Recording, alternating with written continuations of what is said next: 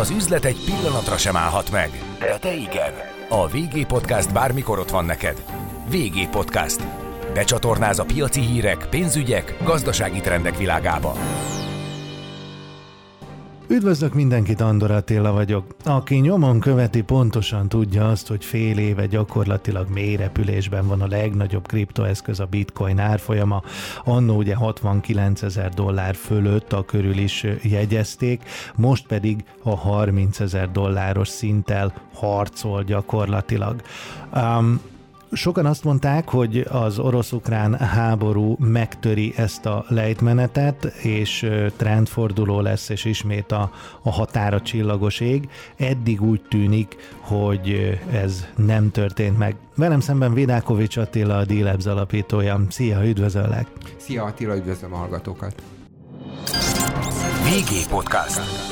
Becsatornáz a piaci hírek, pénzügyek, gazdasági trendek világába. VG Podcast üzletre hangoló. Hát hol van a gödör alja? Teszteli már az alját? Mit lehet mondani? Tehát azért azt sokan mondják, hogy most persze kiemelhetjük, hogy egyik pillanatban 29.800, másik pillanatban 30.100. Aki foglalkozik a kriptopiacsal, pontosan tudja, hogy egy extrém volatilis eszközről van szó, de a véleményed szerint lesz 25 ezer? Lesz 20 ezer?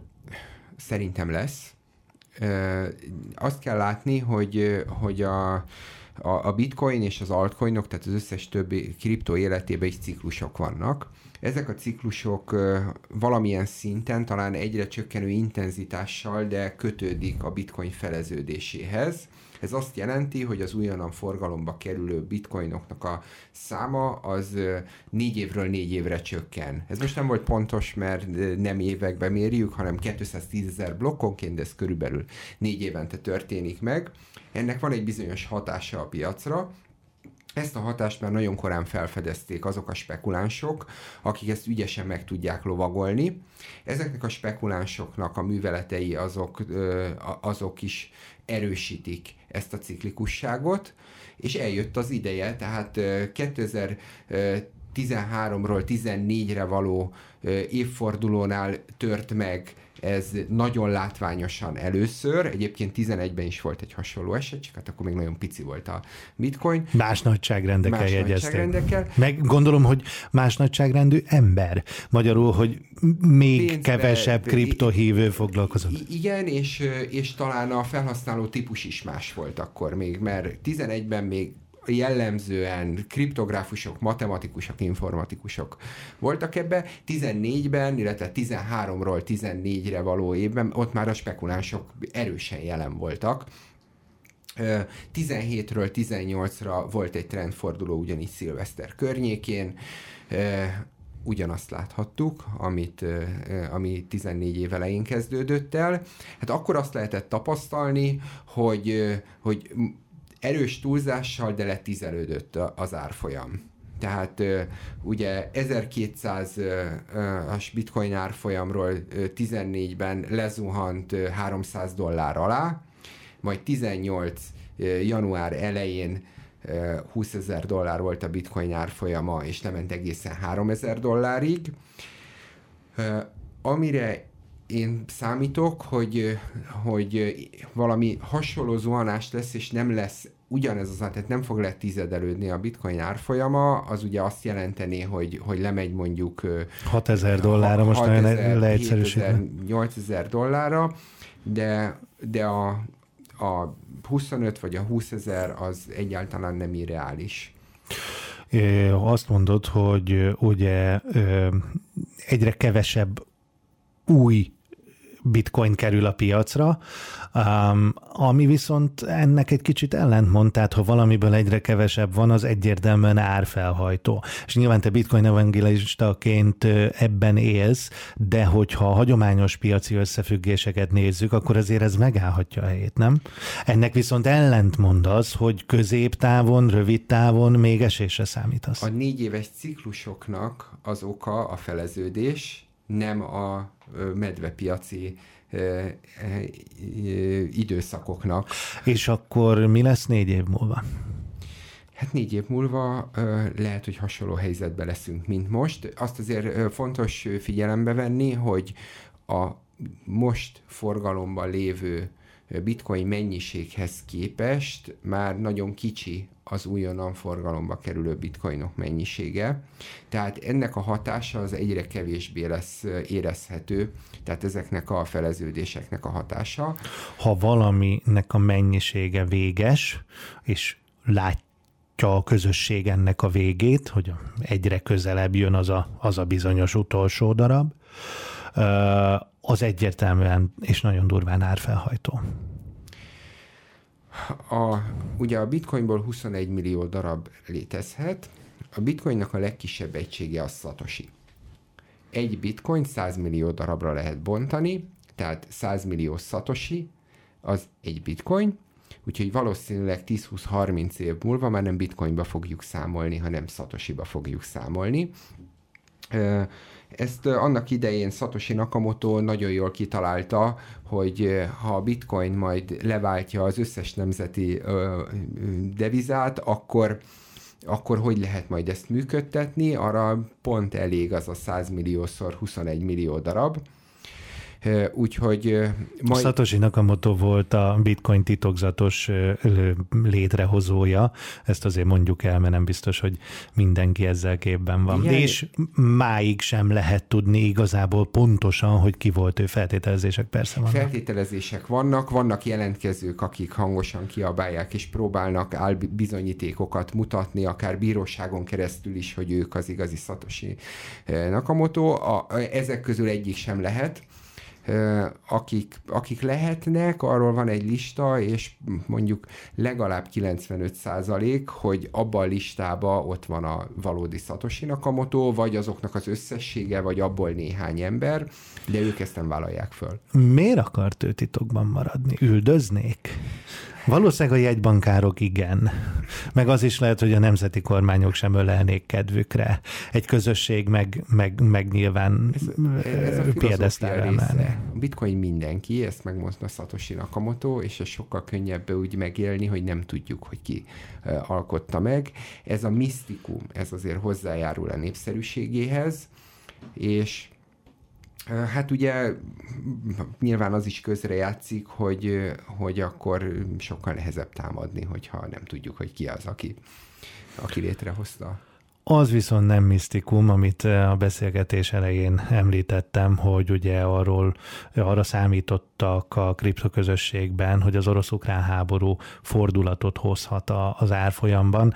Ugye akkor is beszélgettünk, akkor azt mondtad, hogy az a szándék, hogy a SWIFT rendszerről való lekapcsolás esetén a, a kriptopiacon fogják a, a vagyonokat kimenteni, illetve a nemzetközi utalásokra egy maximálisan alkalmas platform. Azt lehetett látni akkor, hogy a forgalom nagyon megnőtt, de ez nem, hogy le, lehet, hogy nem nyilvánult meg az árfolyamban. Ugye eleve egy csökkenő trendben vagyunk, tehát ezek szerint eladó volt bőven, az is lehet, hogy alacsonyabban lenne az árfolyam, ezt nem tudjuk. Valóban nem fordította meg a trendet, ez most már látszik. A hosszú távú hatásait azért érdemes lenne felvetni ennek a, ennek a témának, mert ami a lényege a kriptoanarchizmusnak, hogy, hogy állami és nagyvállalati és banki kontroll nélküli értékmozgatásokat tesz lehetővé. Ennek a ennek a figyelme az mindenképpen felélénkült ugye itt a különböző blokkolások, bankszámzárások kapcsán, tehát az biztos, hogy a köztudatban most sokkal erősebben bekerült, hogy van itt a hagyományos pénzrendszer mellett egy olyan alternatíva, ahol ezt nem lehet megtenni.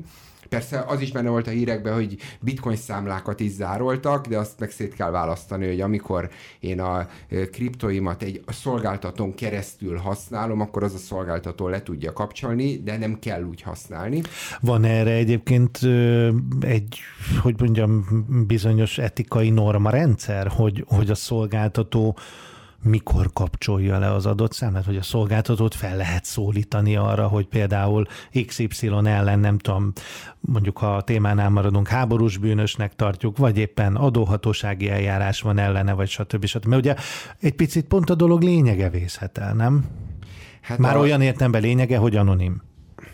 A, ez azzal van leginkább összefüggésben, hogy a felhasználók mennyire ismerik a blokklánc rendszereket, és az ahhoz kapcsolt szolgáltatóknak a rendszereit, hiszen ha, ha én mondjuk egy, egy Binance tőzsdét, vagy egy Coinbase pénztárcát használok, akkor nekem tisztába kell lenni azzal, hogy ott nem on tehát nem a blokkláncon történnek a dolgok, hanem a blokklánchoz hozzá van kötve egy adatbázis, abba az adatbázisba pedig tárolódnak a privát kulcsok, amikkel aláírják a tranzakciókat, ezeket a tranzakciókat viszont az a szolgáltató indítja el, hogyha a szolgáltató az erős hatósági nyomásnak van kitéve, akkor nyilván végre fogja hajtani azt, amit a hatóság kér tőle. Hogyha neki van lehetősége tiltakozni ez ellen, akkor meg fogja tenni, hiszen neki a legfontosabb, hogy az, ügyvé, az ügyfele érdekeit védje, mert akkor nem fognak elpártolni tőle.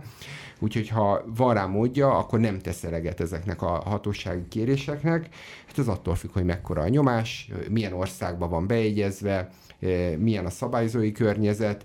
Ezt láthattuk, hogy hogy azért a nagyok közül egy-egy az azonnal végrehajtotta a hatóság kérését, a Binance nagyon sokáig ellenállt, aztán végül ő is meghajolt Ilyenkor azt mondod, hogy nagyon sokáig ellenállt, ennek az időfaktornak van annyi tétje, hogy közben aki nem akar nyilvánosságra kerülni, el tud menekülni? Hát a múltat már nem tudja kitörölni onnan. Egyébként technológiailag lehetne, de nyilván ezt a Binance nem fogja megtenni, mert akkor bezárhatná a, a vállalkozását. Úgyhogy a, a, a múltat nem lehet, de a pénzt ki tudja, az értékeket át tudja mozgatni onnan, úgyhogy meg tudja menteni a pénzét, mert egész egyszerűen kiteszi egy, egy blokkláncos pénztárcára, ahol az ügyfélnél van privát kulcs, és akkor azt onnantól kezdve nem lehet zárolni.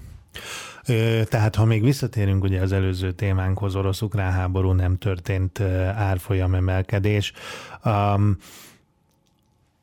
népszerűsödés viszont történt? Vagy, vagy, vagy, vagy egyre több? Azt gondolod, hogy ugye van itt egy, egy nagyon szomorú történés, ő, ő kirobbant egy háború, ami esetben szó volt arról, hogy majd a kriptopiacot tömegesen fogják használni, hogy használták vagy nem használták, más kérdés, de minden esetre ez, ez bekerült a, a hírekbe, bekerült az emberek fejébe. Volt egy olyan várakozás, hogy a, a nagyvállalatok nem fognak tudni egymás között tranzakciókat végrehajtani, akik viszont biztos, hogy meg fogják találni az útját annak, hogy életbe tudjanak maradni és tudják folytatni a kereskedelmet erre egy alternatíva volt a, a kriptó, azt nem lehetett látni egyébként még ma sem tudni egyértelműen, hogy hányan fognak kikötni a, a, a kriptodevizáknál, de úgy tűnik, hogy, hogy voltak más alternatívák azoknál, akik,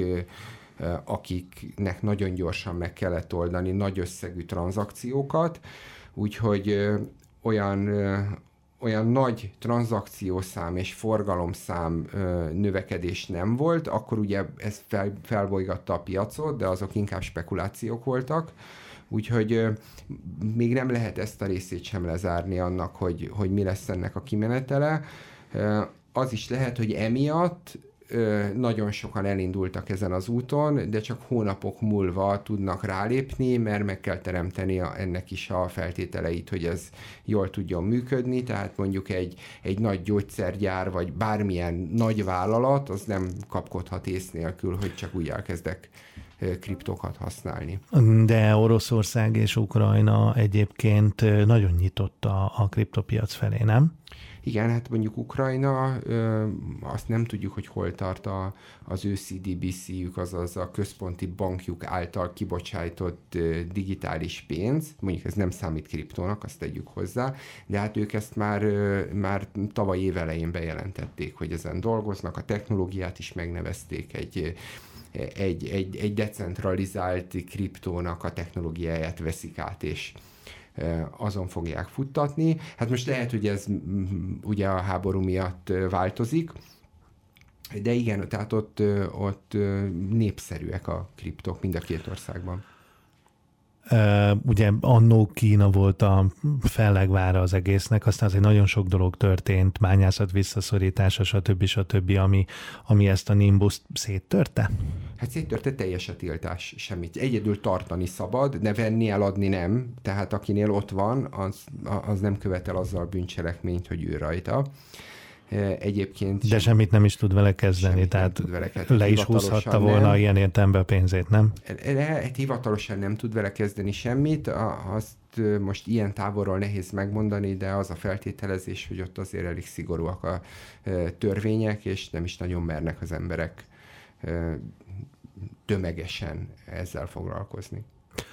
És egyébként hol tart Európa, meg, meg, meg, meg az Egyesült Államok? Tehát arról az utóbbi időben nagyon sokat lehet olvasni, amit te is mondtál, hogy, hogy digitális pénzkibocsátásra készülnek a jegybankok. Arról is sokat lehet olvasni, hogy úgy összességében FED, LKB, MNB felfigyeltek erre az egész piacra. Ugye nagyon sokáig a, a, a szőnyeg alá söprés és a teljes elfordulás volt a jellemző, most már nincs teljes elfordulás, hanem, hanem, hanem melszélességgel beleálltak. Mi, mi az igazság? Te azért az iparákban dolgozó szakember vagy.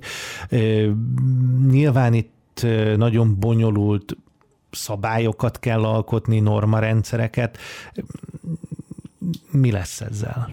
A szabályzóknak elképesztően nehéz dolguk van, hiszen ez az egész, egész világ egy technológiából jött,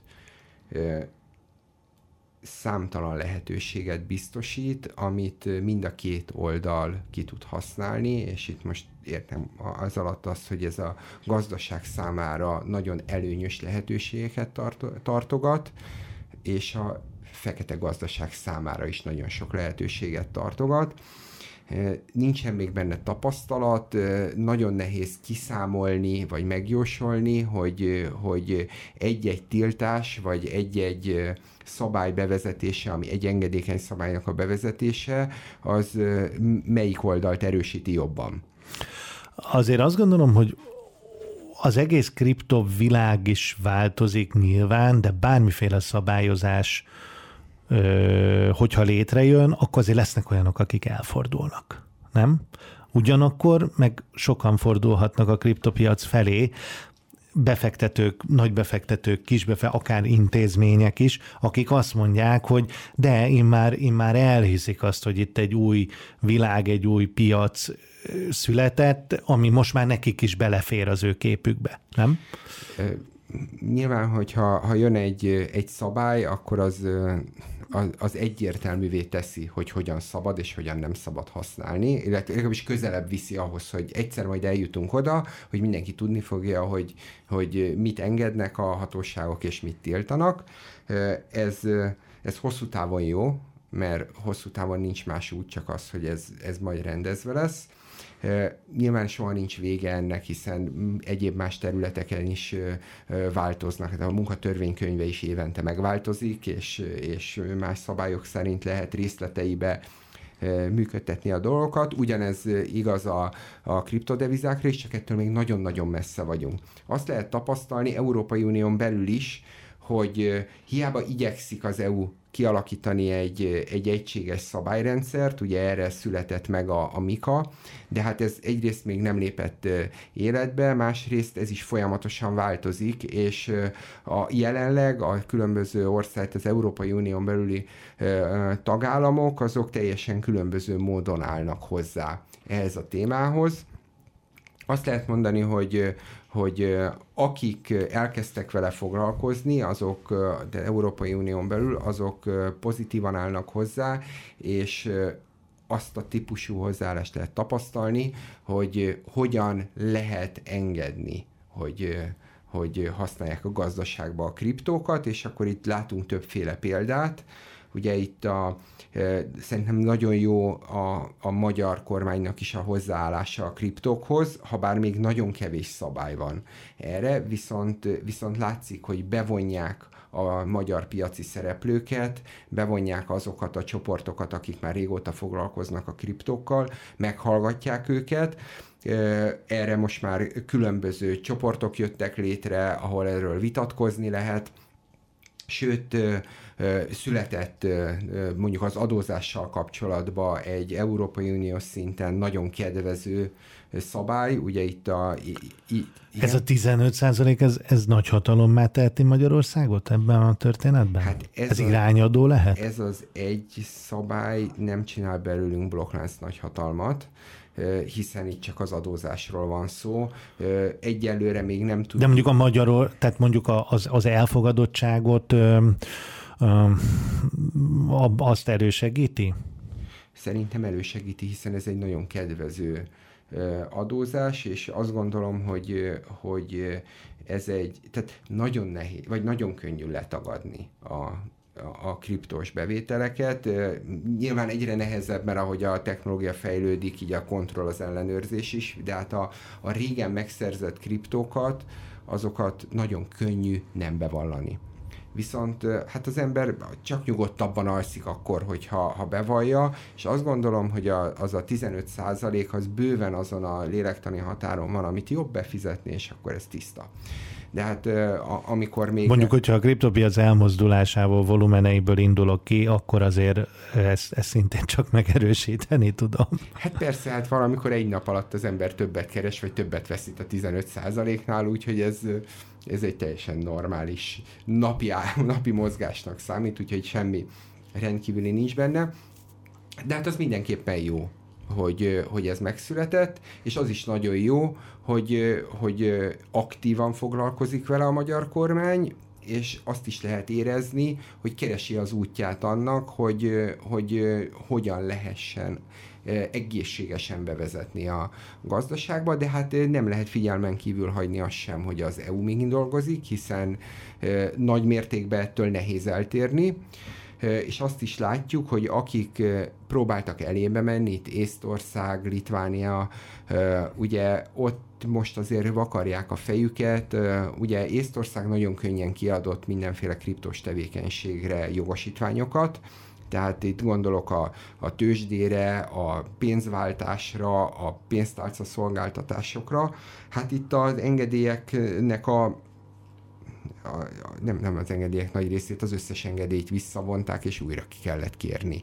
Ami hát borzasztó dolog egy vállalkozásnak, hogy azért megy oda, azért költözteti Észtországba a kriptos tevékenységét, mert ott meg lehet szerezni a jogosítványt, tehát ott biztonságban tud működni, és egyik napról a másikra visszavonják az engedélyét ez egy nagy nehézség. Ugye Litvániában is most viszonylag kedvezően lehet ezekhez hozzájutni, de nem lehet tudni, hogy meddig.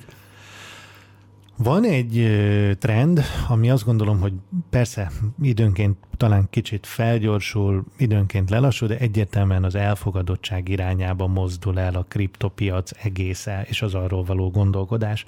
És akkor van egy olyan ö, sok, mint például a nemrégiben a, a, a Lunának az összeomlása, ami ö, hát nyilván a, a, a mélyrepülésre, az árfolyamok mélyrepülésére rátett, de, de azt gondolom, hogy talán a hatása ö, károsabb erre a bizonyos elfogadottságra. Ugye és nyilván nagyon leegyszerűsítem, és te majd kiigazítasz, de összeomlik egy olyan eszköz, aminek a kurzusa valami normál, elfogadott hagyományos devizához van kötve, mert kiderült, hogy egy ö, nagyon nagymértékű utalás kapcsán mégsem tud a szolgáltató fedezetet biztosítani mögé. Én azt gondolom, hogy ez nem egy jó üzenet. Jól látom? Persze, hát ez egy, ez egy olyan rendkívüli esemény, ami, amire mindenki felkapta a fejét. Nagyon könnyű kihasználni a kriptok ellen a kommunikációba, és ugye a kriptoknak erős ellenzői is vannak, akik szeretnek nagyon hangosak lenni, és ez egy, ez egy nagyon jó lehetőség, amiben bele lehet kapaszkodni. Ráadásul olyan dologról van szó, amit nagyon kevesen értenek, annyira nagyon kevesen, hogy nem nagy túlzás azt mondani, hogy senki nem érti, ez persze nem igaz, de mi történt itt? Ugye egy algoritmikus stablecoin-nál összeomlott az algoritmusnak a logikája, ez viszont a hozzáértőknél ez, ez nem okozott meglepetést.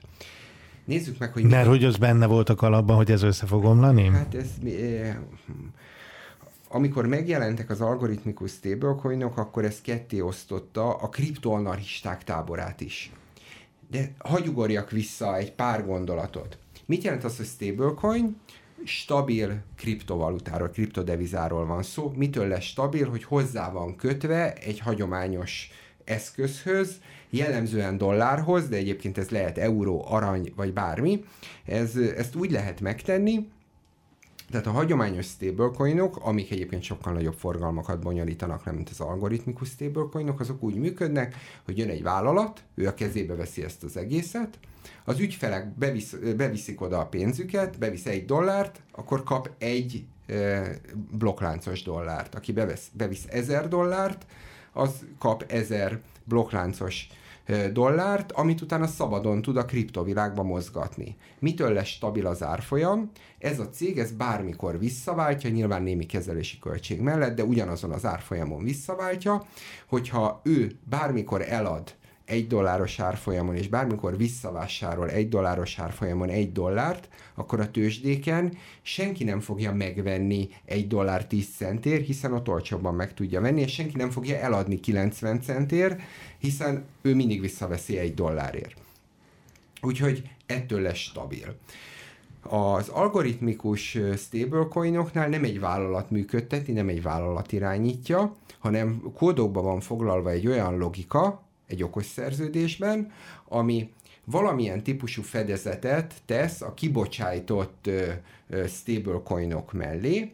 Az első híres ilyen megoldás az a DAI volt, a MakerDAO csapatnak a fejlesztése, ahol Ethereum fedezetre az okos szerződés, az okos szerződés az nem egy cég, nem egy ember, hanem a blokkláncba felküldött valami, ami onnantól kezdve a közösségé, mindenki látja, hogy hogy működik, és ezt mindenki egyenlő feltételekkel használhatja. Ez az okos szerződés úgy működött, hogyha beküldtem Ethereumot, akkor az abban a pillanatban lévő Ethereum árfolyamhoz, árfolyamos mennyiséget azt kiküldi nekem DAI-ba, azaz annyi dollárt ér, ahány DAI-t kapok, mert abban a pillanatban annyit ért az Ethereum. Mivel tudja az algoritmus ezt stabilizálni? Azzal, hogyha az Ethereum árfolyama változik, akkor a kibocsájtott DAI mennyiségét azt vagy csökkenti, tehát eléget DAI-t, vagy pedig kinyomtat még DAI-t, és ezzel biztosítva van, hogy mindig ugyanannyi DAI van kibocsájtva a piacon, annyi forog kézen, amennyi az a letétbe tett Ethereumoknak az összértéke dollárban kifejezve. Na most amikor ez megszületett, akkor a kriptoanarchisták mindig azt szeretnék, hogy kódokban legyen foglalva minden rendszer, és ne legyen egy harmadik bizalmi fél a, a képletben, akiben meg kell bízni. Ugye mondjuk a legnagyobb stablecoin, az USDT, a Tether, ott a vállalatban meg kell bízni, mert hogyha ők eltűnnek, akkor eltűnt az érték az USDT mögül.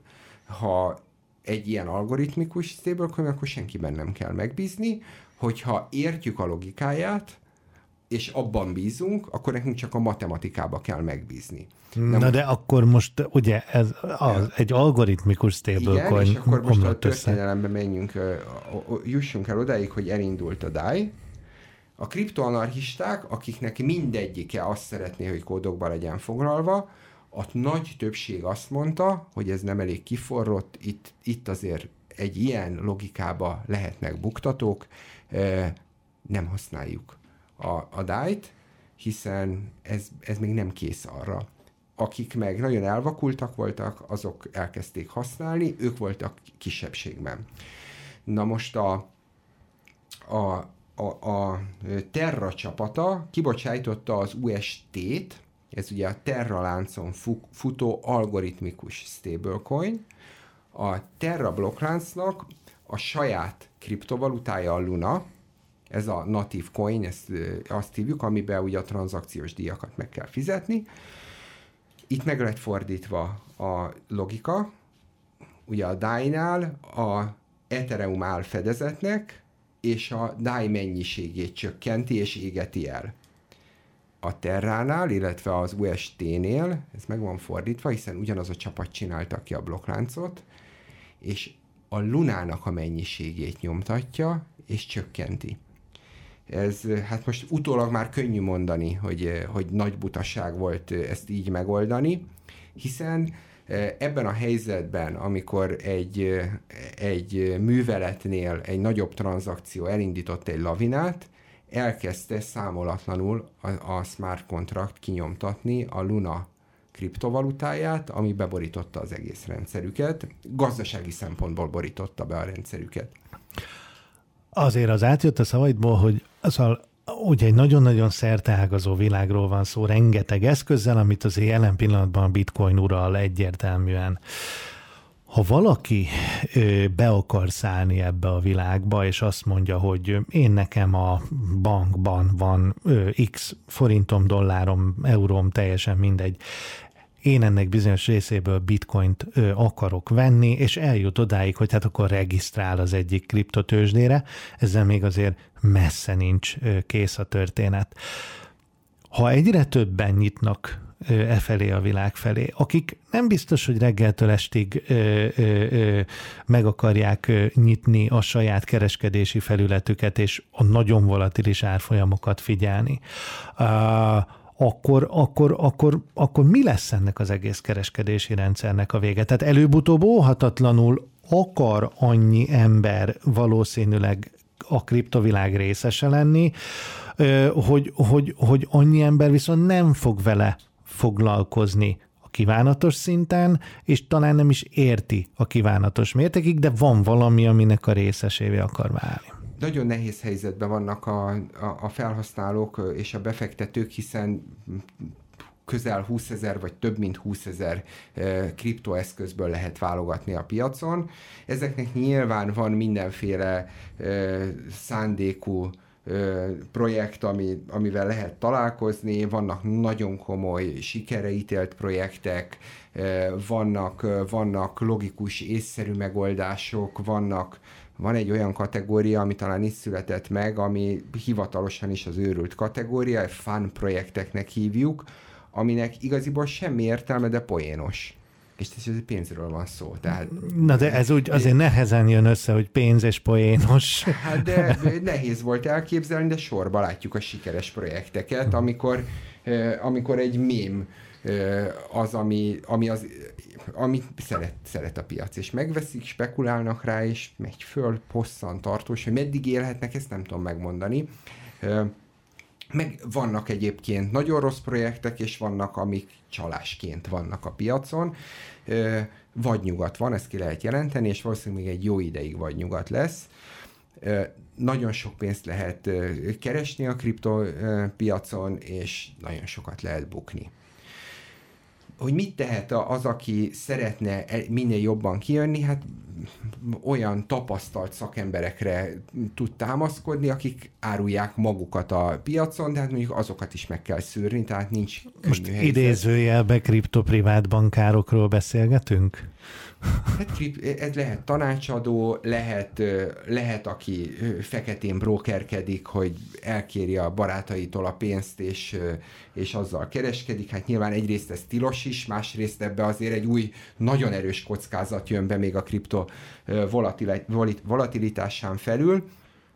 De hát vannak olyan megoldások, amikor szolgáltatók árulják ezeket a, megoldásokat, amikor egy hivatalos cég fölvállalja, hogy hozzám be lehet fizetni pénzt, és akkor, akkor nálunk mondjuk vannak ilyen copy trader megoldások, tehát ilyen például a, a, az eToro, illetve a, a Binance-en keresztül külsős kereskedők is apikkal rá tudnak csatlakozni, és tudnak kereskedni az ügyfelek számláján, viszont a trend az egyértelmű, hogy a, a piac az elindult a decentralizált megoldások felé, amikor nem egy cég működteti, és ezek a decentralizált megoldások, ezek, ezek nem követik mondjuk a, az algoritmikus stablecoinoknak a mintáját, tehát ezek azért más, más logika szerint vannak felépítve, Tehát látjuk, hogy a decentralizált tőzsdékre áramlik át a kereskedés. Ezelőtt két évvel két-három százalék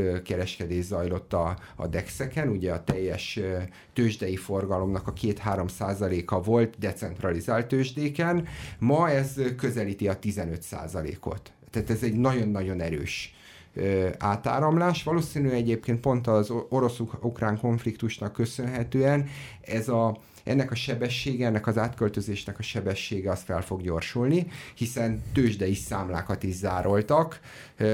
Hát ez nem túl megnyugtató. Egy decentralizált tőzsdén ilyet nem lehet megtenni. Egyébként számtalan más előnye és nagyon sok hátránya is van a decentralizált tőzsdéknek, hiszen drágább használni, és érteni kell hozzá. Na de pont erről beszélek, hogy azért ö, nem, nem mindenki ért hozzá olyan, tehát mondjuk, hogyha annál ö, mélyebben akar belemenni, hogy jaj, nagy mínusz van a bitcoinba, akkor veszek, és akkor sokáig megtartom, és majd egyszer biztos drágább lesz. Ez egy jó stratégia.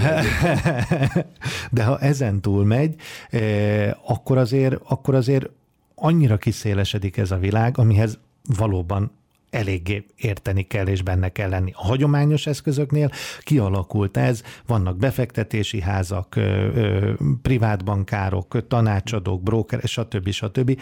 Valahogyan ez lesz az iránya a kriptóban Azt is? gondolom, hogy a jövő azoké a szolgáltatásoké, akik decentralizált környezetben meg tudják oldani. Trust lesz, az azt jelenti, hogy nem kell megbízni senkiben, tehát nem kell megbízni egy cégben, nem kell odaadnom a pénzemet senkinek, de technológiailag ez meg van oldva úgy, hogy olyan szolgáltatásokat tesznek elérhetővé, hogy az ügyfél rá tudja bízni egy szakemberre a döntést, hogy milyen eszközöket vásároljon össze az ő pénztárcája egy okos szerződésen keresztül, elvenni a pénzét senki nem tudja. Nyilván ott is lehet rossz kereskedési döntést hoznia annak, aki, aki szakemberként ott a tanácsot adja, viszont ezek a szakemberek egymással fognak versenyezni a piacon, és lesznek olyan platformok, ahol össze vannak gyűjtve ezek a kereskedők, szabadon lehet böngészni a bemutatókból, a befektetési stratégiákból, befektetési kosarak vannak összehozva, és mindenki a számára szimpatikus kereskedőt vagy befektetési tematikát kiválaszthatja, és ez teljes biztonságban meg tudja vásárolni, nem viheti el a kereskedő, nem lophatják el a pénzt, nem lehet zárolni, viszont kiveszi a szaktudást a piacról, és kiveszi a piacról a lehetőséget a befektetésre. Vidákovics Attila, a D-Labs alapítója, kriptoszakértő, kriptoevangelista. Köszönöm, hogy itt voltál. Köszönöm szépen, sziasztok! Üzletre hangolunk. Régi Podcast.